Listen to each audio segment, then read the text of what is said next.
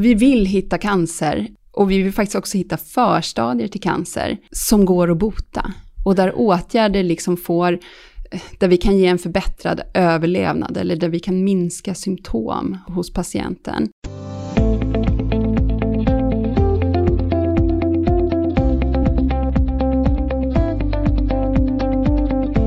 Du lyssnar nu på Lundcancerpodden.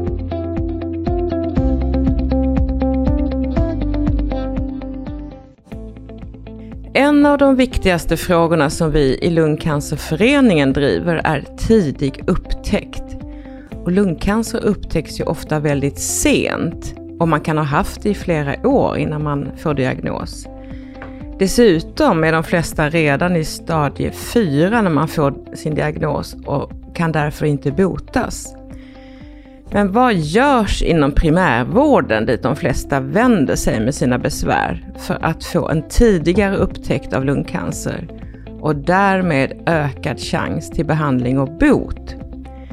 Det ska vi prata om i podden idag. Och jag har bjudit in Elinor Nemlander som är specialist i allmänmedicin och jobbar som distriktsläkare på en vårdcentral i Stockholm. Välkommen hit Elinor! Tack snälla! Du är ju också vårdutvecklare och forskar inom cancer på Akademiskt primärvårdscentrum där vi också sitter i Stockholm och det ska du få berätta lite mer om. Hur länge har du jobbat som distriktsläkare, Elinor? Jag blev färdig specialist i allmänmedicin i januari 2018. Så jag har jobbat som specialist eh, sedan dess, så drygt fem år nu då. Och för att bli specialist i allmänmedicin så, så gör man en specialistutbildning på fem år efter man eh, blev legitimerad. Just det. Och sen har du valt cancer som inriktning, eller var det din specialistutbildning? Nej, Nej jag, är, jag är utbildad allmänläkare mm. i allmänmedicin, så det är ju en ganska bred specialitet mm. där vi egentligen Just det, har... det är vårdcentralsläkare. Det är vårdcentralsläkare, ja. precis. Mm. Men du jobbar med cancer? Ja, precis. På deltid jobbar jag med fortbildning, vårdutveckling och faktiskt forskning också vad gäller cancer. Jag började redan under min specialisttjänstgöring, alltså medans jag höll på att bli distriktsläkare, ehm, så började jag till väldigt liten del på sidan om med vårdutveckling och fortbildning vad gäller cancer. För jag ville veta mer om det egentligen. Så redan 2017 startade jag med det. Okej. och eh, ja, du arbetar halvtid då på en vårdcentral och sen halvtid med vårdutveckling och Ja men precis, nu sen de senaste åren så, så är det så, sen jag blev färdig specialist egentligen, mm. så jobbar jag med vårdutveckling och fortbildning och forskning på halvtid och sen jobbar jag på en vårdcentral i Stockholm som distriktsläkare på halvtid. Men när du då utbildar, då är det vårdcentraler du utbildar eller vad ska man säga? Ja, mestadels är det eh, vårdcentraler eh, som vi utbildar. Jag är med i någonting som heter Caprim som är eh, ett kunskapsteam eh, om cancer mm. i primärvården. Eh, så kan då du berätta vi... lite vad det är, Caprim, vad det betyder? Mm.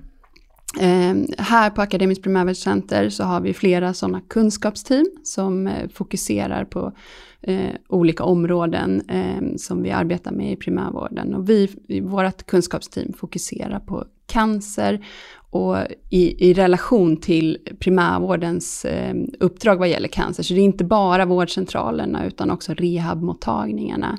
Och det, jag fokuserar på tidig upptäckt. Och, okay. eh, det är också det jag forskar på. Jag är inskriven som doktorand på Karolinska institutet sedan 2020 och forskar på symptom och tecken och tidig upptäckt av cancer i primärvård. Men det gäller alla cancerformer eller? Ja, precis. Eh, fokus är på symptom och, eh, och upptäckt i primärvården. Så det är inte, inte strukturerat så som vården kanske ofta är strukturerat som stuprör, där man kollar efter varje diagnos, utan mer olika symptom, signalvärde för cancer och hur vi kan förbättra tidig mm. upptäckt. Det är det som är så viktigt.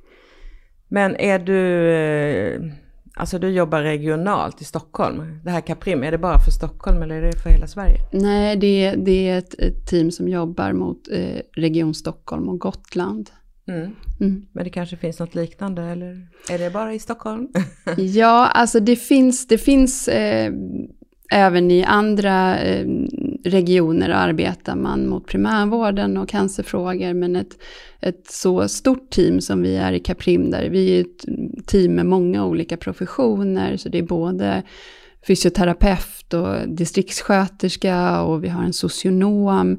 Alltså så vi har många olika kategorier som alla jobbar inom primärvården men som fokuserar nu på cancerfrågor och kan fortbilda om cancerfrågor. Så vi känner till den verksamheten där vi fortbildar men vi kan liksom lyfta blicken och verkligen sätta oss in i cancerfrågor i regionen. Vi jobbar också mycket med att vår, alltså primärvårdsanpassa och titta på de här nationella vårdprogrammen och se att de, de passar in i vår region med vår vårdstruktur där vi har ganska många olika vårdnivåer. Så det gäller att veta när, vem ska skickas var. När ska en patient remitteras till sjukhus till mm. exempel mm. och när ska den till en öppenvårdsmottagning i sekundärvården. Om vi stannar vid din studie som då handlar om tidig upptäckt. Och jag tror att vi i Lungcancerföreningen var lite inblandade. Kan du berätta om, om det? Absolut. Så en av mina doktorandstudier eh, som publicerades förra året, 2022, handlar just om lungcancer. Eh, och där har vi en patientrepresentant med i forskningsgruppen eh, som kommer ifrån er. Mia. Mia Rajalin, mm. precis. Eh, och det har ju varit fantastiskt värdefullt att kunna ha en patientrepresentant med. Eh, och vi har faktiskt också fått, fått pengar från er nu eh, när vi planerar fortsatta studier. Eh, men den studien som publicerades 2022, den, den handlar om symptom och tecken före lungcancerdiagnos. Um, och där har vi, vi har bett alla patienter som remitterades till eh, lungmottagningen. Här på Karolinska? Här på Karolinska, eh, att svara på en enkät. Och den här enkäten, det är en, en webbaserad enkät och en ganska omfattande enkät när man får svara på lite bakgrundsfrågor om tidigare sjukdomar, man får också svara på frågor om rökning. Men fokus i den här enkäten, det är symptom och sensationer som kan ha ett samband med lungcancer. Och vi bad alla som remitterades, det är alltså patienter som har en misstänkt lungcancer, men de fick svara på enkäten innan de blev bedömda på lungmottagningen. Så varken, varken vi eller patienterna visste egentligen vilka som skulle få en lungcancerdiagnos och vilka som inte skulle få det. Nej. Och sen så har vi analyserat de här enkätsvaren eh, för alla som har svarat och tittat. Ungefär 60% av de som svarade på den här enkäten fick sen en lungcancerdiagnos. Mm. Och 40% fick ingen cancerdiagnos alls. Så vi exkluderade sådana patienter som fick annan form av cancer eller som hade cancer tidigare. Mm. Men vi hade 504 patienter i den här studien då som blev inkluderade.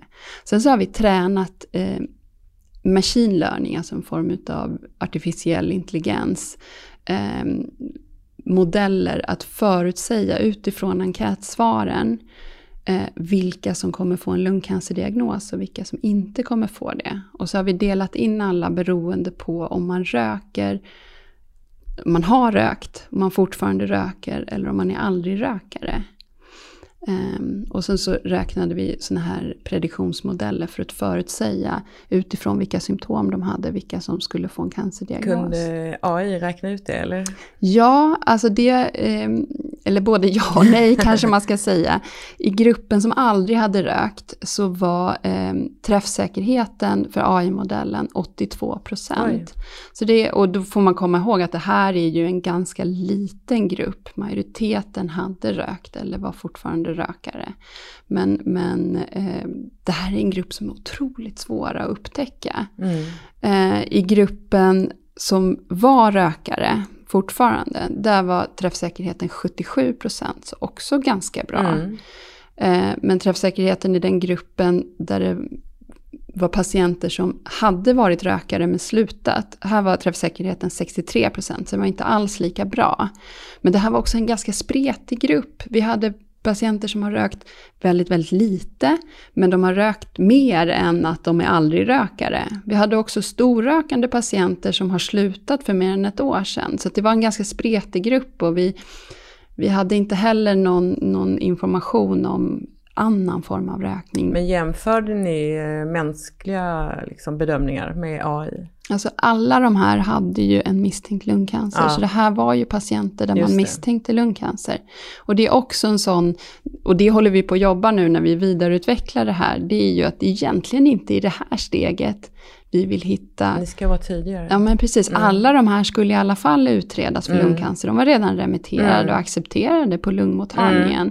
Utan vi behöver hitta dem i tidigare skede. Men i det här skedet verkar det som att AI-modeller kan hjälpa till.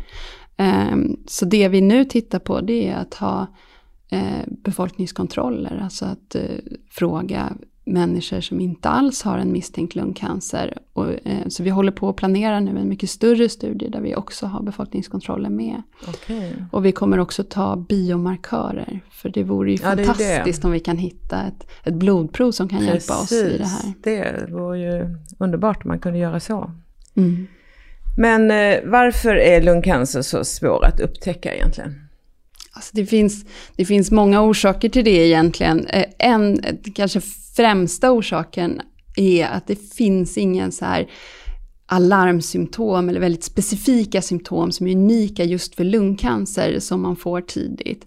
Det finns ett alarmsymptom som gör att man ska misstänka lungcancer och det är hemoptys eller blodig hosta.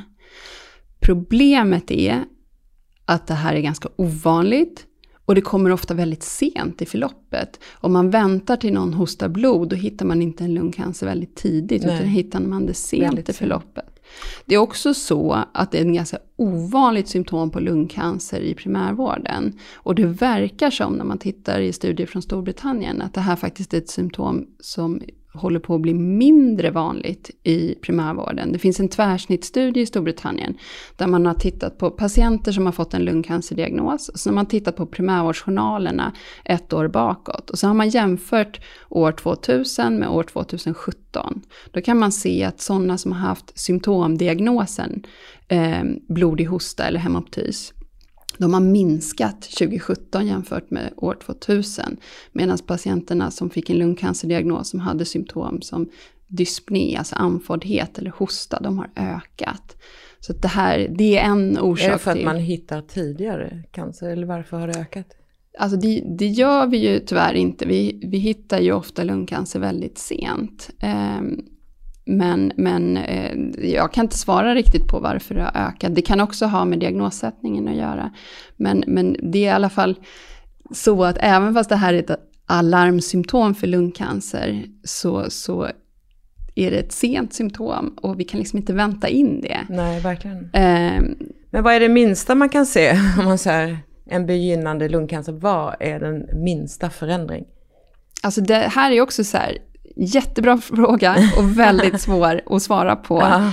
Ehm, för det är lite oklart i forskningen när man som patient och man visar sig ha en lungcancer, när får man symptom på den här cancern? Och får man det i stadium 1 till exempel, eller i stadium 1 till 3, vi vill ju helst hitta, hitta patienterna innan de är i stadium 4, innan sjukdomen Mm. har spridit sig. Så det är Eh, behandlingsbart? Så både, och när man pratar med patienter så berättar ju väldigt många att de har haft symptom under en lång tid innan Mm. de fick sin diagnos. Så frågan är hur tidigt får man symptom eh, när man har en lungcancer? Men också går det att skilja de här symptomen från symptom som inte beror på lungcancer som finns i den vanliga befolkningen? Och det här är någonting som väldigt mycket forskning fokuserar på och som bland annat jag då tittar på i min forskning. Att kan vi, och jag tror inte att det finns ett symptom, utan för hade det varit enkelt så hade vi, hade vi redan löst det. Utan vi behöver hitta stöd och hjälp där man kombinerar risker och symptom.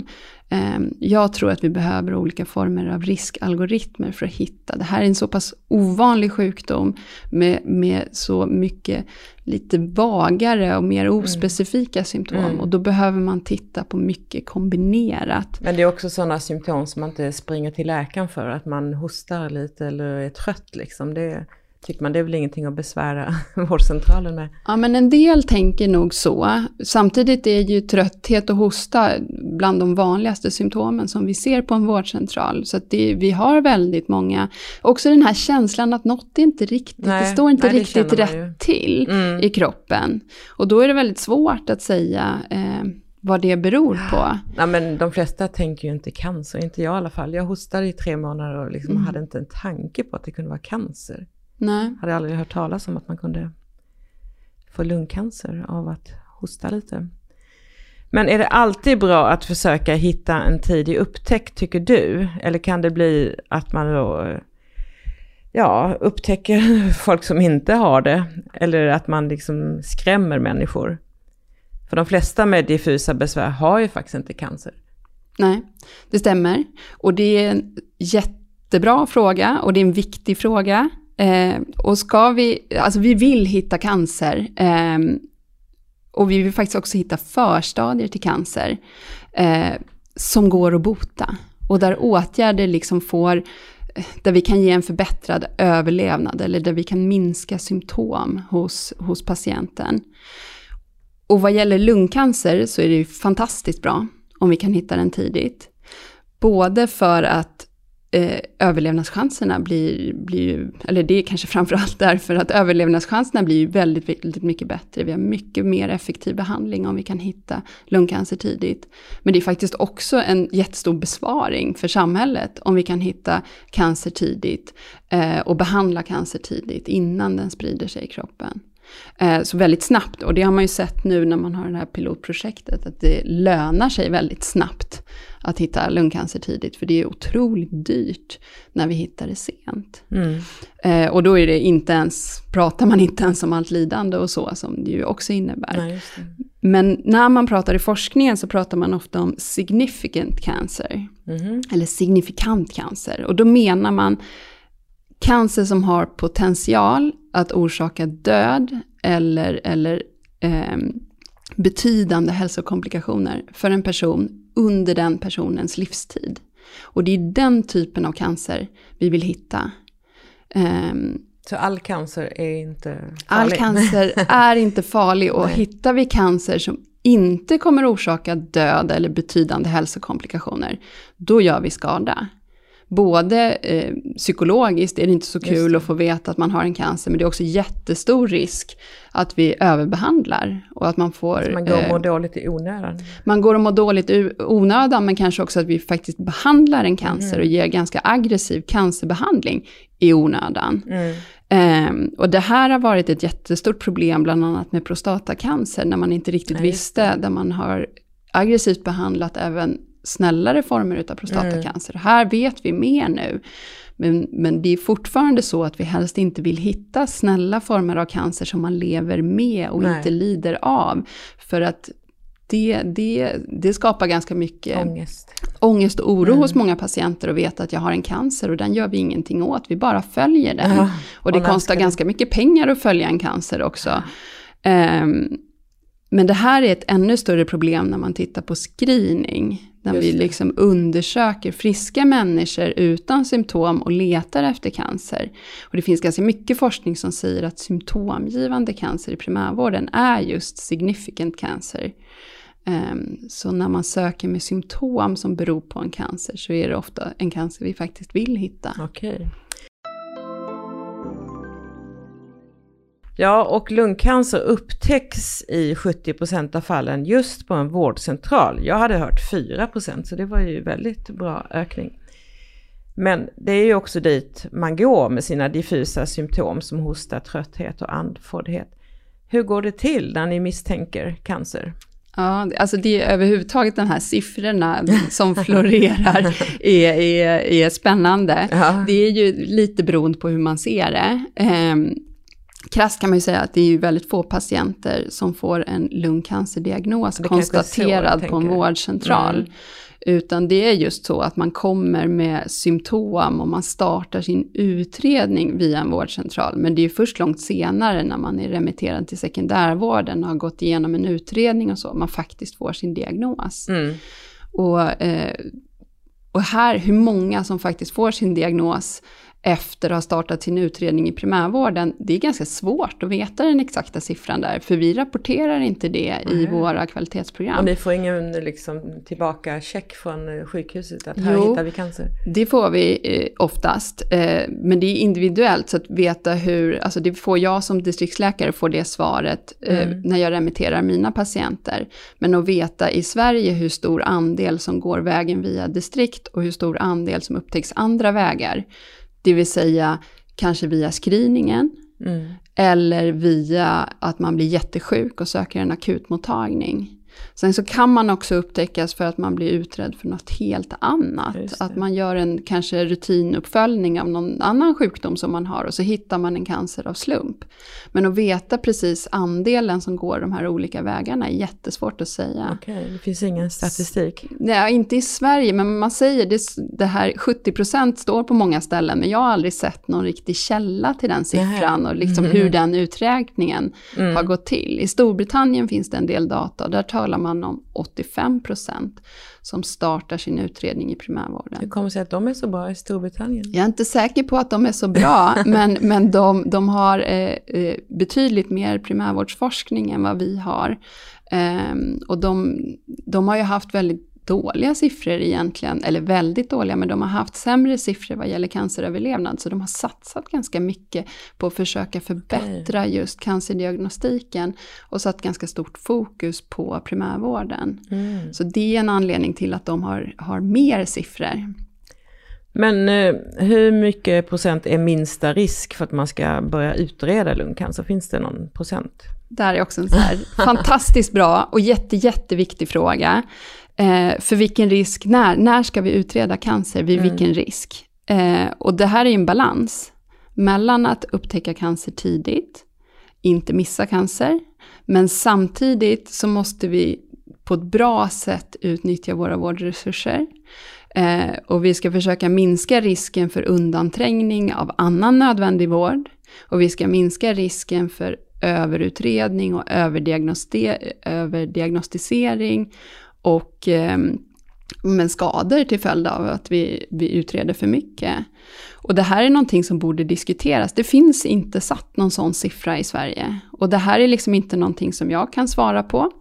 Eh, men, men man borde diskutera det här, både med befolkningen, med patienter, men också inom professionen och med politiker. Eh, och sätta så här, och ska vi använda oss av riskvärderingsinstrument så behöver vi säga vid vilken risk man ska, man ska utreda. Mm. Storbritannien har ju, har ju haft den här diskussionen och satte 2015 en cancerrisk på 3% för att man ska gå i deras snabbspårsutredningar och en cancerrisk på 2% Det är ju för att lågt. starta en cancerutredning. Så de, de har haft den här diskussionen. Ehm, och jag tycker att vi borde ha den här diskussionen mer i Sverige. Mm. Vi pratade förut om biomarkörer och blodprov. Används det idag för att upptäcka cancer på en vårdcentral? Och där är ju svaret ja och nej. eh, vi har, vi, det finns inte ett prov, biomarkör eller eh, cirkulerande DNA eller så för lungcancer som vi tar eller kan ta i kliniken i primärvården idag. Men det finns ganska många prover som kan signalera en ökad risk för cancer, kanske inte specifikt lungcancer, men som kan signalera att något inte står rätt till Vad i är kroppen. det då för värden? Eh, nej, men det, man kan titta på blodprofilen till exempel, röda vita blodkroppar, blodplättarna. Man kan kolla på inflammationsprov, kalciumprov. Man kan kolla på eh, proteiner i blodet. Alltså det, så det finns, och det här är prover vi tar ganska ofta, väldigt, alltså, i princip, alltså de flesta människor, åtminstone ett blodstatus, har vi tagit på större delen av den vuxna befolkningen. Det här är någonting man nästan screenar med i, på en vårdcentral för väldigt, väldigt många sjukdomar. Mm. Och det fin- här tror jag också att AI, alltså artificiell intelligens, är ett område där de verkligen kan hjälpa till. Ehm, för det finns en del forskning som tyder på att om man kan samtolka olika kombinationer av blodprover samtidigt, att väga samman resultat på många av de här proverna så finns det en tydligare, alltså det, det kan signalera för cancer tydligare. Men det här är ju jättemycket data, vi har ganska dåliga system för att få en överblick över tid hur förändringar i sådana här blodvärden ser ut i journalen idag. Så att, och också hur, hur man faller även om man inte får en stjärna, så att man fortfarande ligger inom referensintervallet, men man kanske faller inom referensintervallet. Och den här typen av förändringar blir ganska svårt för en läkare att få överblick på ett besök. Men här, här skulle man, den här typen av väga samman många sådana faktorer samtidigt och se vad kan ge en ökad risk för cancer och när, när ska vi varna att det här, nu borde du dra öronen åt dig och kanske utreda. Eh, det, det är en del som jag nu fokuserar med forskning framåt här. Mm. Och det är någonting jag verkligen tror på. Men AI används väl inte på vårdcentraler? Nej, Nej. Inte, inte än. Inte än, precis. Nej, men, och det, det är inte egentligen AI. Eh, AI är ett sätt att komma fram till kunskap. Sen kanske det inte är AI som är det man använder i kliniken. Eh, utan det, det, är liksom vägen till målet någonstans. Eh, det finns, och eh, vi har i, i Stockholm en eh, journalrobot, alltså ett, ett system som läser av journalen och så kan varna till exempel mm. om vi skriver ut ett läkemedel som är restnoterat, som inte finns att hämta ut. Då kan den här varna och säga att det här, det här läkemedlet är just nu restat, så mm. du får skriva någonting annat. Och här finns alternativa. Så det får varje läkare direkt? De flesta vårdcentraler har, har köpt upp det här systemet. Mm. Och det, det här systemet skulle potentiellt kunna varna Mm. De här kombinationerna gör att det finns en förhöjd risk för cancer. Men då måste vi veta precis vilka kombinationer som ger en förhöjd risk för cancer. Det är ny forskning som behövs. Ja, men precis. Men som vi var inne på, de flesta som får lungcancer är rökare eller tidigare rökare. Och man har ju börjat med screening då i Stockholm av riskpersoner och det är storrökande kvinnor man har koncentrerat sig på. Mm. Men hur kommer man åt aldrig-rökarna? Det är en grupp som faktiskt ökar. Mm. Och det gör man inte riktigt utifrån de förutsättningarna vi har idag. Det är ett jättestort problem. Vi har jättedåliga förutsättningar att hitta och misstänka lungcancer hos aldrig-rökare. Och vi behöver mer forskning här. Um, och, men det här budskapet att man inte varken behöver vara eller har varit rökare för att kunna få en lungcancer, det tycker jag ändå har spridits mer i samhället och det tycker jag kunskapen har blivit bättre kring. Även om jag fortfarande möter patienter och faktiskt även doktorer som tänker att nej men jag misstänker inte lungcancer för att det här är inte någon som röker. Så är det mer ovanligt. Och rökning är den främsta riskfaktorn för lungcancer fortfarande. Vi har ungefär 15 procent som får diagnosen lungcancer som aldrig har rökt. Um, och det här tittar vi på i forskningen och ser just kan vi hitta kombinationer av symptom tillsammans med kanske blodprover och sådär som gör att vi ska misstänka lungcancer även hos sådana som aldrig har rökt. Och just för att det går ju ner i åldern också, att det är mm. flera yngre som får det. Men idag är förutsättningarna att hitta lungcancer hos någon som aldrig har rökt dåliga. Ja, och från diagnos till behandling ska det ta 40 dagar enligt SVF och det betyder det standardiserade vårdförloppet. Men i Stockholm uppfylls det bara i 7% av fallen. Och det låter ju inte så bra. Hur ska man få det att bli bättre? Det finns många saker man kan jobba med där. Eh, det arbetet vi gör i primärvården det mäts faktiskt inte i det här standardiserade vårdförloppet. Utan standardiserade vårdförloppet startar när man har en välgrundad misstanke om lungcancer. Det vill säga när vi skickar en remiss till, till lungmottagningen, eh, en sån här SVF-remiss och frågar efter lungcancer. Det är då man startar den här nationella mätningen och så, och så avslutas den när man startar behandlingen eller när man kan skriva av risken för lungcancer. Men, men det vi ändå gör eh, för att försöka eh, underlätta det här flödet, det är hur man följer upp fläckar på lungorna. Det vill säga att när vi då oftast tar en skiktröntgen av lungorna och så ser vi fläckar eller lungnoder Och de här fläckarna ser inte ut som en lungcancer, så det är inte så att vi ska skicka en remiss till lung, lungläkarna och fråga efter lungcancer. Men det är fortfarande så att vi inte säkert kan säga att det här är inte någonting farligt, det här kommer inte, håller inte på att bli en lungcancer. Då ska man följa de här fläckarna med, med uppföljande undersökningar. Och det finns särskilda kriterier för hur det här ska följas beroende på hur täta de är och hur de ser ut på på DT-undersökningen avgör hur de ska följas upp. Och då brukar man följa efter kanske 3 till 6 månader, efter 12 månader, efter 24 månader. Och här är det ganska Alltså strukturen är inte perfekt hur, hur det här ska följas upp. Och finns det minsta osäkerhet hos en distriktsläkare, man ser någonting på lungan, eh, då blir distriktsläkaren orolig. Och vet man då inte, det här ser inte ut som en lungcancer, det här ska följas efter så här många månader. Men finns det minsta lilla osäkerhet där, det vi gör då, det är att vi ringer till lungläkarna och frågar. Eller så skickar vi en remiss till lungläkarna och frågar.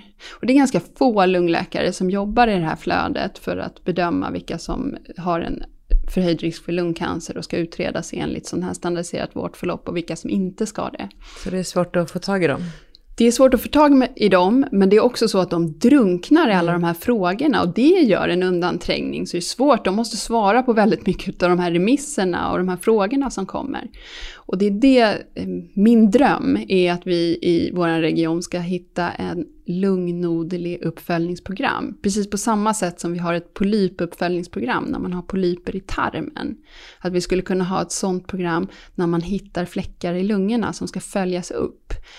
Um, så att man har ett system hur de här patienterna ska kallas och när är nästa utredning och nu, mm. det här, är det här något som växer eller inte något som växer, när ska det gå vidare till, till uh, lungläkarna. Och det här skulle ju underlätta för dem väldigt mycket för de skulle slippa många av de här frågorna som Just kommer. Det. det är också så att vi har ett screening pilotprojekt nu men om vi ska införa en stor screening för lungcancer så vore det mer. fantastiskt att ha det här systemet redan på plats, mm. för då mm. kommer det behövas. Men kan ni som distriktsläkare egentligen påverka själva utredningsarbetet, hur snabbt det går? In, inte när, när de är accepterade och liksom startar en SVF-utredning på, på lung, lungonkologen. Så. Då kan vi inte påverka det. Eh, men men vi, kan, vi kan minska risken för undanträngning. Att de doktorerna faktiskt får göra det de ska göra och inte svara på alla våra frågor. För det är inte någon annan som kan svara på våra frågor ofta. Hur många sådana utredningsspecialister finns det? Tre tror jag. Tre i Stockholm. Mm. Men de ska titta på alla cancerformer? Nej, de utreder ju lungcancer. Bara lungcancer, mm. okej. Okay. Vet du vilka symptom som det står i SVF för lungcancer? Absolut. Eh, och jag är ju med och utformar eh, visstexterna, alltså de regionala vårdprogrammen för distriktsläkarna i, i Stockholm vad gäller cancer. Eh, men, men och för lungcancer, det, Eh, det är svårt, för där handlar det ju om just hosta eller andnöd mer än sex veckor hos någon som är rökare eller har varit rökare och är över 40 år. Eller om man har oklar bröst eller skuldersmärta. Um, eller om man har blodig hosta, vilket vi ju pratade om tidigare. Att det, det är en ganska ovanligt eh, symptom. Eh, då kan man börja tänka och misstänka lungcancer. Men, men om någon söker med oklar bröstsmärta eller skuldersmärta så är ju verkligen inte den vanligaste orsaken lungcancer. Och det är kanske inte heller, alltså all, all smärta är ju oklar innan vi har en orsak på det. Och söker någon med bröstsmärta så är inte det första man utreder är en lungcancer. Det skulle jag säga är fel. Det kan vara allt möjligt. Ja men precis. Mm. Eh, sen är det också så att som blodig hosta som ju har ett ganska starkt signalvärde för lungcancer, eh, det, det, kallar vi för ett alarmsymptom. Det är ändå så att signalvärdet i primärvården för blodig hosta för lungcancer är jättelågt. Det är ungefär 3% Så 97% av de som söker med blodig hosta har inte lungcancer okay. som orsak. Finns trötthet med? Nej, det gör inte det. Det vi har skrivit till är att lungcancer ofta Eh, startar med eh, ospecifika symptom. Det finns ett särskilt förlopp som heter allvarliga ospecifika symptom som kan vara cancer. Och där är, är liksom trötthet, ökade sjukvårdskontakter, avvikande värden på prover, här, som vi pratade om, oklar eh, inflammationsstegring i kroppen som vi inte riktigt har någon förklaring till, nattliga svett svettningar, viktnedgång som vi inte vet varför. Alltså mer sådana ospecifika symptom som inte signalerar en viss cancer, men som ändå skulle kunna tala för att det kan finnas en cancer. Många lungcancerpatienter berättar ändå att de har sökt vård upprepade gånger i primärvården och någon så många som 33 gånger mm. med diffusa besvär utan att bli tagen på allvar. Vad är det som behövs för att bli tagen på allvar? Ja, alltså där är ju, jag tycker minimikravet är ju att man ska bli tagen på allvar och mötas med respekt i primärvården alltid. Egentligen inte bara i primärvården utan, utan alltid, ja, mm. överallt. Och jag tror att ett jättestort problem är att vi har en bristande kontinuitet i primärvården. Eh, och det är speciellt viktigt när det gäller att upptäcka sådana här sjukdomar som inte har väldigt tydliga symptom som talar för sjukdomen och som dessutom är ganska ovanliga. På en vårdcentral är ju lungcancer en ovanlig sjukdom. Mm. Och jag har jättesvårt att tro att en patient har sökt sin husläkare 33 gånger och påtalat ospecifika symptom och inte har blivit utredd. Utan problemet är att man söker olika doktorer. Man söker och de här doktorerna är ofta väldigt tidspressade, de, de känner inte dig som patient, de har inte helheten. Eh, man, man söker lättakuter, närakuter, appdoktorer, eller så söker man till sin vårdcentral, men får träffa helt olika doktorer varje gång. Eh, och det är jättestor skillnad om man träffar en doktor som man inte känner på tio minuter. För det är ofta så, vi har ju dålig tillgänglighet i primärvården och vi borde vara mycket mer tillgängliga. Och det gör att vi pressas till att göra svåra bedömningar på väldigt kort tid.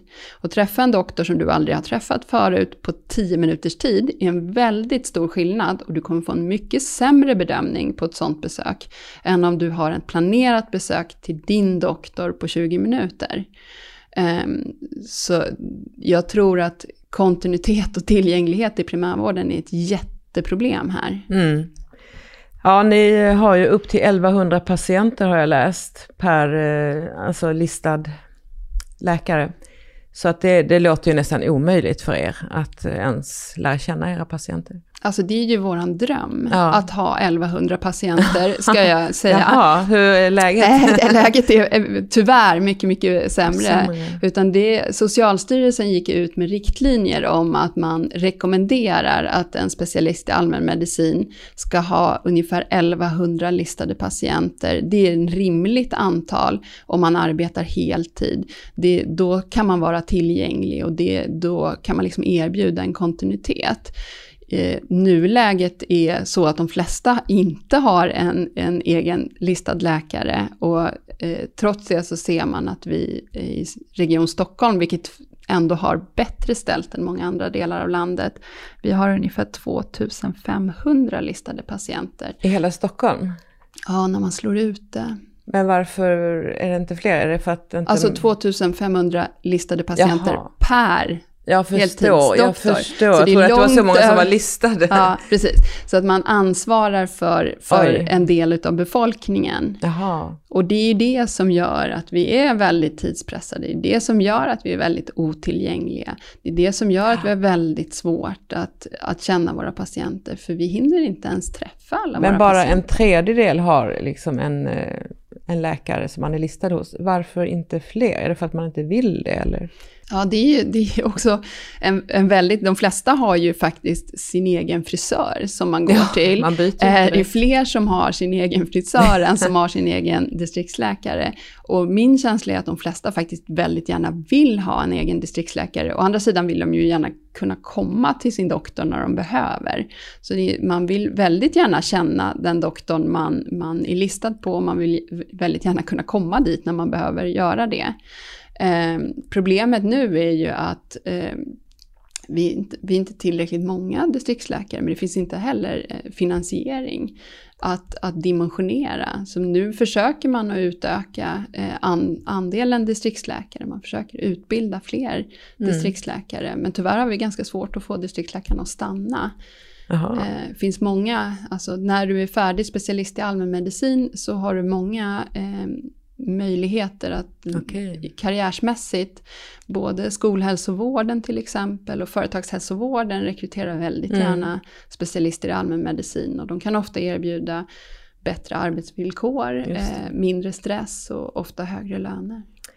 Men om vi går tillbaks till eh, bedömningen av lungcancer, kan du berätta hur ett riskverktyg ser ut som ni använder i primärvården? Alltså det finns tyvärr inget eh, riskverktyg för lungcancer som används i primärvården idag. Vi har sådana här riskvärderingsverktyg för till exempel hjärt-kärlsjukdom där vi skattar risk för hjärtinfarkt och stroke eh, och bedömer om vi ska sätta in läkemedel och vilka åtgärder vi ska göra. Det finns också sådana här verktyg där man tittar för eh, osteoporos, alltså risken att få benbrott för benskörhet när vi ska sätta in sån behandling. Och det finns den här typen av verktyg i Storbritannien eh, och ganska mycket forskning på den här typen av riskvärderingsverktyg från Storbritannien. Men inte heller där finns det infört i kliniken. Men just nu pågår en ganska stor studie där man har randomiserat vårdcentraler, alltså man har slumpat ut dem till antingen ha sådana här riskverktyg för cancer eller inte. I Storbritannien? I Storbritannien. Mm. Eh, och sen så tittar man, för det man behöver se är om det här har effekt mm. på, på ja, egentligen canceröverlevnad, men det är så svårt att se ifrån vårdcentralsnivå. Så det man tittar efter det är om det här har effekt på stadium vid diagnos. Men vad är ett riskvärderingsverktyg? Är det någon slags eh, skattningssystem, att ni kollar upp olika ja, alltså det, det, värden? Ja, precis. Alltså det är egentligen olika kriterier eh, som man får väga samman. Det, vi gick igenom lite vad, vad som står i vårdprogrammet för lungcancer. Det är ju enskilda symptom. Men vi vet att kombinationer av symptom och fynd är ju det som gör att man kan få lite högre. Det var det som jag sa att att hosta blod, det är mm. bara 3% risk för cancer och det är ändå ett symptom med ganska starkt sig signalvärde. Jag kan ju ja. säga att sex veckors hosta har mycket, mycket svagare signalvärde för lungcancer än vad att hosta blod har. Mm. Ehm, så om vi ska utreda folk som har, kanske om vi nu säger utifrån Storbritannien, som har 2% då behöver man väga många symptom tillsammans för att ha en risk som är över 2% Men alla som röker borde ju veta att hostar man blod då ja. är det väl cancer? Ja, men det är just det att de flesta har inte cancer som orsak eh, till att de hostar blod. Men, men så är det, väldigt många som hostar blod söker ju vård för det. Mm. Eh, och då blir man i väldigt stor utsträckning utredd. Men vi kan inte vänta på att folk hostar blod med att utreda dem. Nej. Vad har ni för beslutsstöd då? Alltså i, vi har ju Eh, de standardiserade vårdförloppen egentligen. Där står det vilka kriterier, där finns primärvårdsversioner där det står vilka symptom och det är enskilda symptom. Och det är till väldigt stor del symptom där man utgår ifrån från sekundärvården. Man har alltså tittat på patienter som har fått lungcancerdiagnos och som har tittat vilka symptom de hade. Och det är inte alls säkert att signalvärdet ser riktigt likadant ut i primärvården. Och det är ett jättestort problem att det inte är så mycket horisontella bedömningar mellan de här. Folk söker ju inte med en misstänkt cancer, utan man söker med olika symptom. Och det är ganska stort överlapp mellan olika diagnoser. Mm. Och det är lätt i efterhand att säga att man har gjort fel, men det är ganska svårt där och då. Vad efterlyser du? Vad är det som saknas? Är det mer forskning? Ja, absolut. Mm. Mer primärvårdsbaserad forskning eh, behövs verkligen. Om vi ska ge bra vård med, med, som liksom baserar sig på kunskap och evidens, så behöver vi forska också i primärvården. Vi kan inte basera det vi gör i primärvården bara på forskning som sker liksom på labb eller i, i sekundärvården, utan vi behöver ha primärvårdsbaserad forskning. Men vad kommer det sig att man inte har satsat på det? Alltså det det är många orsaker till det. Det har, finns inte någon, har inte funnits någon stark forskningskultur i primärvården. Det är också så att primärvårdsfrågor har, har haft väldigt svårt att konkurrera när man ansöker om medel till exempel.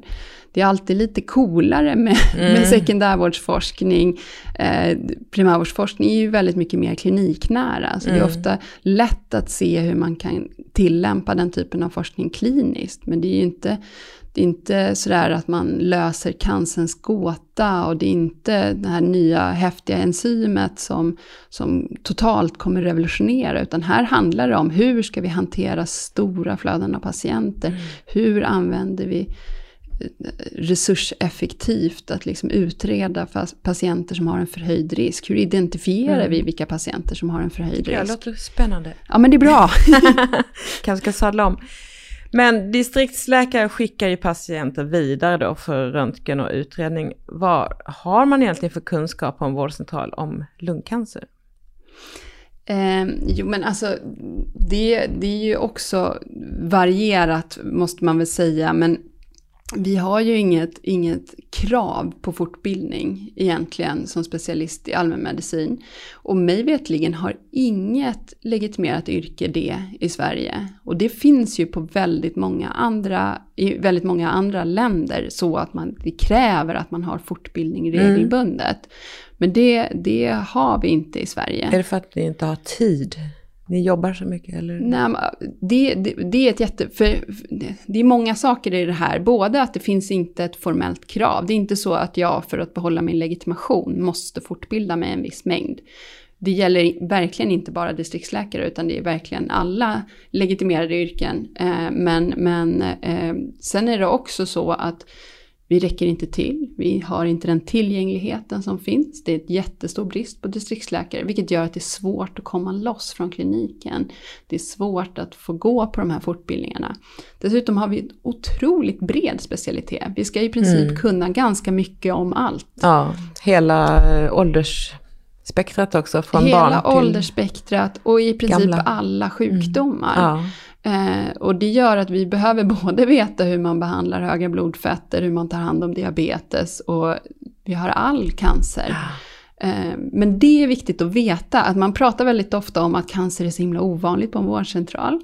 Men om man, jobbar, om man har 2000 listade patienter nu ligger det två och en halv, så det är lite lågt räknat då. Men om man jobbar heltid som allmänläkare och har 2000 listade patienter så förväntas man hitta 6 till 8 patienter per år på den listan som insjuknar med en cancer. Inte lungcancer då, utan det är all cancer. Och det är alltså ungefär lika många som man förväntas hitta som har diabetes på ett år. Ja, det är ju ganska mycket. Ja, men så det, och det är ingen som säger att diabetes är en väldigt ovanlig sjukdom på en vårdcentral. Så Nej, och det har man ju väldigt mycket ja, men precis. fokus på. Men, men sen får man ju komma ihåg att cancer inte är en sjukdom, utan det är många olika mm. sjukdomar, de har olika symptom, det är olika utredningar. Men, men det är inte så att cancer är väldigt ovanligt.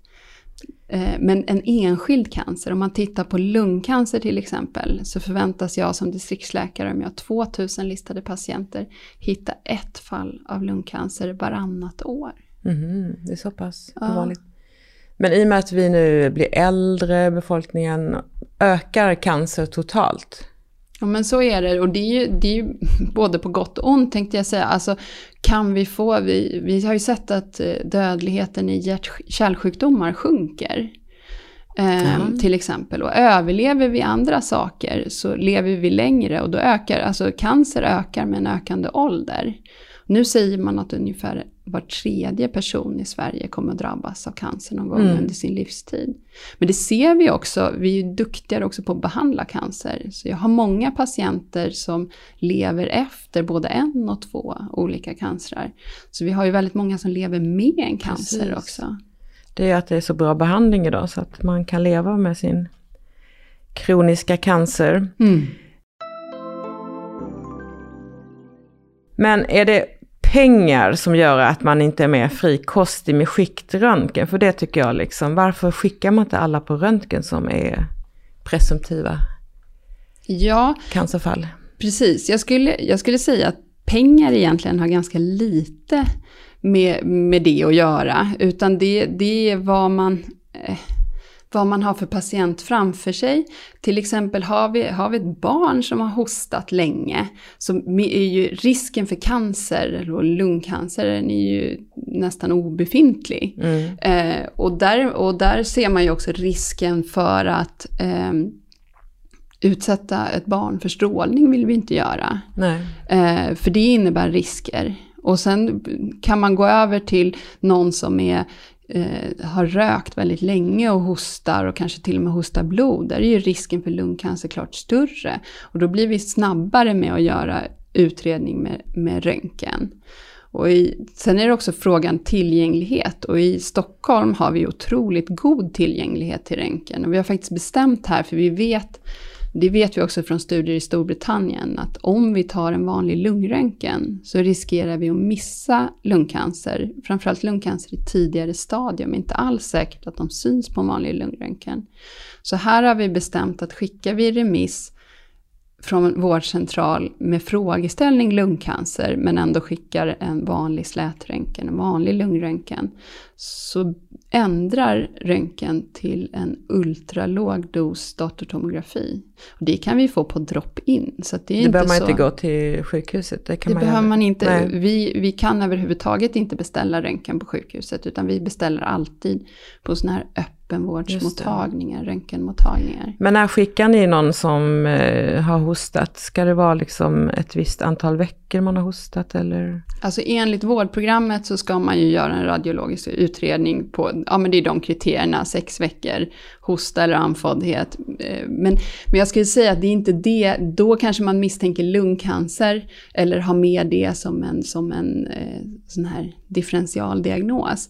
Men det är väldigt mycket också ja, men symptom som inte går över eller där man får, ibland kan man få som läkare en så här, mm, det här känns inte riktigt bra, det är någonting, det känns, man brukar, i forskningen pratar man om gut feeling och det är väldigt bra signalvärde för allvarlig sjukdom. Okay. Så när doktorn får en så magkänsla att det här är någonting allvarligt, det är ett väldigt högt signalvärde. Det är inte alltid vi kan sätta fingret på varför vi blev, drog öronen åt oss och kände, men ibland känner man att det här, så här brukar det inte vara. Inte. Och det här hjälper ju om man känner sin patient, om mm. man har träffat sin patient många gånger under åren och märker så här, men det här, nu är det här, det, det, nu är det någonting.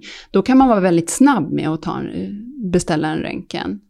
Men eh, ni har inga problem att få röntgentider? För att jag har hört att det är brist på radiologer och ute i landet så har de liksom dratt åt eh, att man inte får skicka iväg Nej, vi har, vi har, vi har inga sådana eh, begränsningar egentligen. Däremot är det ju, alltså det är ju alltid brist. Eh, och ibland är det långa svarstider, eh, kan man märka. Och det är också en sån här avvägning. Om jag misstänker, man hör, det låter inte bra på lungan, jag förväntar mig att det är något väldigt stort, då kan jag få väldigt snabbt en, en lungröntgen, men jag kanske måste vänta om jag ska göra en ordentlig datortomografi, kanske jag får vänta en månad. Mm. Då kanske man beställer en vanlig lungröntgen och sen så kanske man beställer, utifrån vad det visar senare, ytterligare en undersökning och sådär. Så det, det kan dröja kan, ibland kan det dröja, det beror lite på vad man har beställt för undersökning och vad frågeställningen är och så. Mm. Men vi har ett system där de, där de prioriterar upp. Vi kan signalera i okay. röntgenremissen att det här, är, det här är en hög misstanke om cancer. Då, då, då går det lite då går fortare. Det fortare. Mm. Ja, men det är bra. Ja, nej, men som vi var inne på så ökar då antalet äldre och antal som överlever cancer och lever med sin cancer. Så mm. trycket på er i primärvården ökar ju ständigt. Det blir fler människor som behöver gå till vårdcentralen. Vet du vad som görs åt det på riks och regional nivå? Gör man någonting för att öka antalet distriktsläkare och ge er mer pengar? Alltså just nu tycker jag ibland eh, att man mest pratar om det.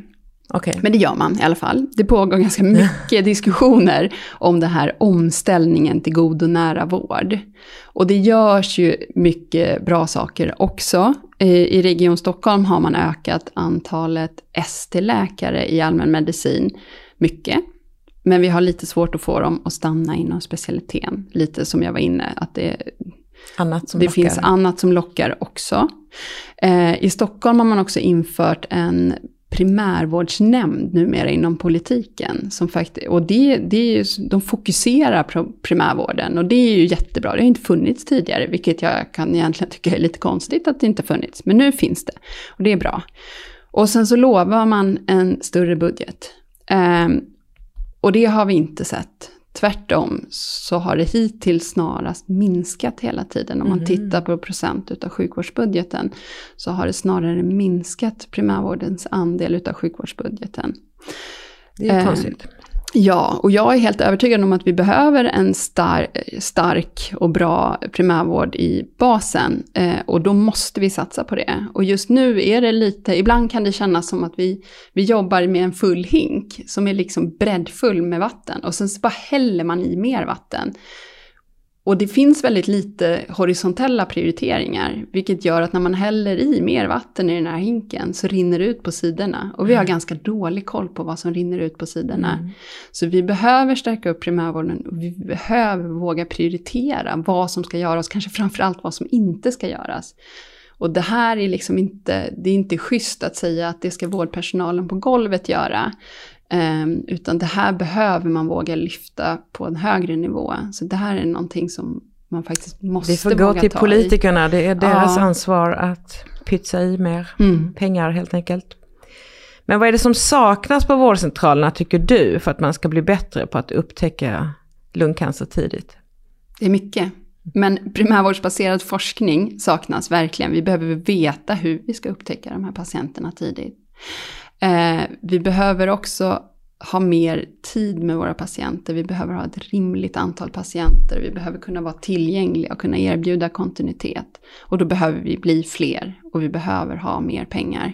Så är det. Man behöver våga satsa mer på primärvården. Det, vi, vi har en av världens mest eh, eh, specialiserade doktorer på vårdcentralerna. Att vara specialist i allmänmedicin är ju fem års Mm. specialistutbildning. Och så ser det inte ut i de flesta länder. Nej, är det eh, kortare utbildning? Det är kortare utbildning och i vissa länder är det ingen utbildning alls. Utan man blir legitimerad och hamnar man på en vårdcentral innan man väljer vilken specialitet Aha. man...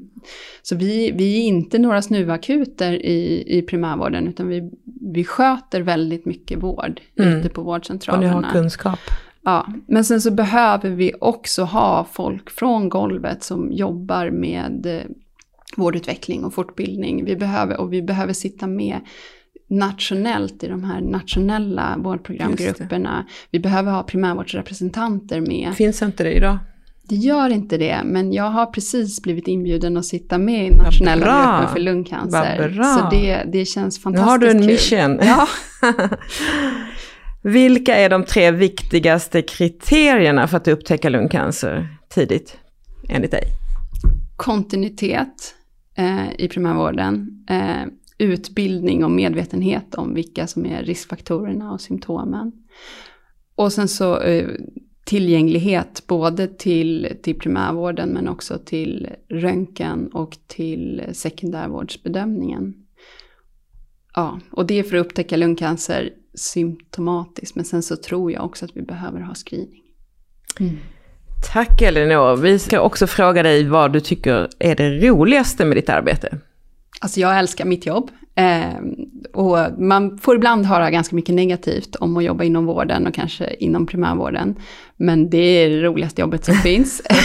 alltså det är helt fantastiskt att kunna känna sina patienter, att kunna följa sina patienter över tid, följa familjer över tid. Inte sådär en åkomma, utan man går igenom, så här, de får olika saker under livet och de är med om olika händelser.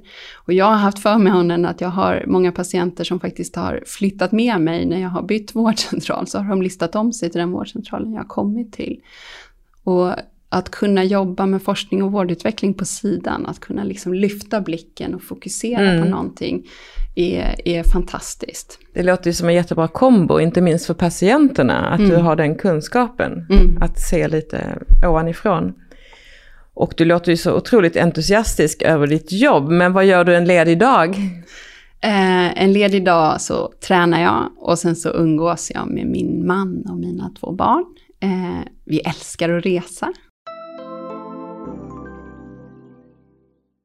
Ja, tack Elinor för att du har ställt upp och svarat på mina frågor. Och vi är ju jätteglada i Lungcancerföreningen att du jobbar för oss i primärvården. Och lycka till framöver i ditt arbete att upptäcka tidig cancer. Tack också till dig som lyssnat och gå gärna in och kommentera dagens avsnitt på www.lungcancerpodden.se. Och tack också till Taylor för dagens inspelning och klipp. Nu tar vi sommarlov i Lungcancerpodden och nästa gång vi hörs är det avsnitt 100! Wow! Får vi se vad vi hittar på. På återhörande. Hej då Elinor! Hej då!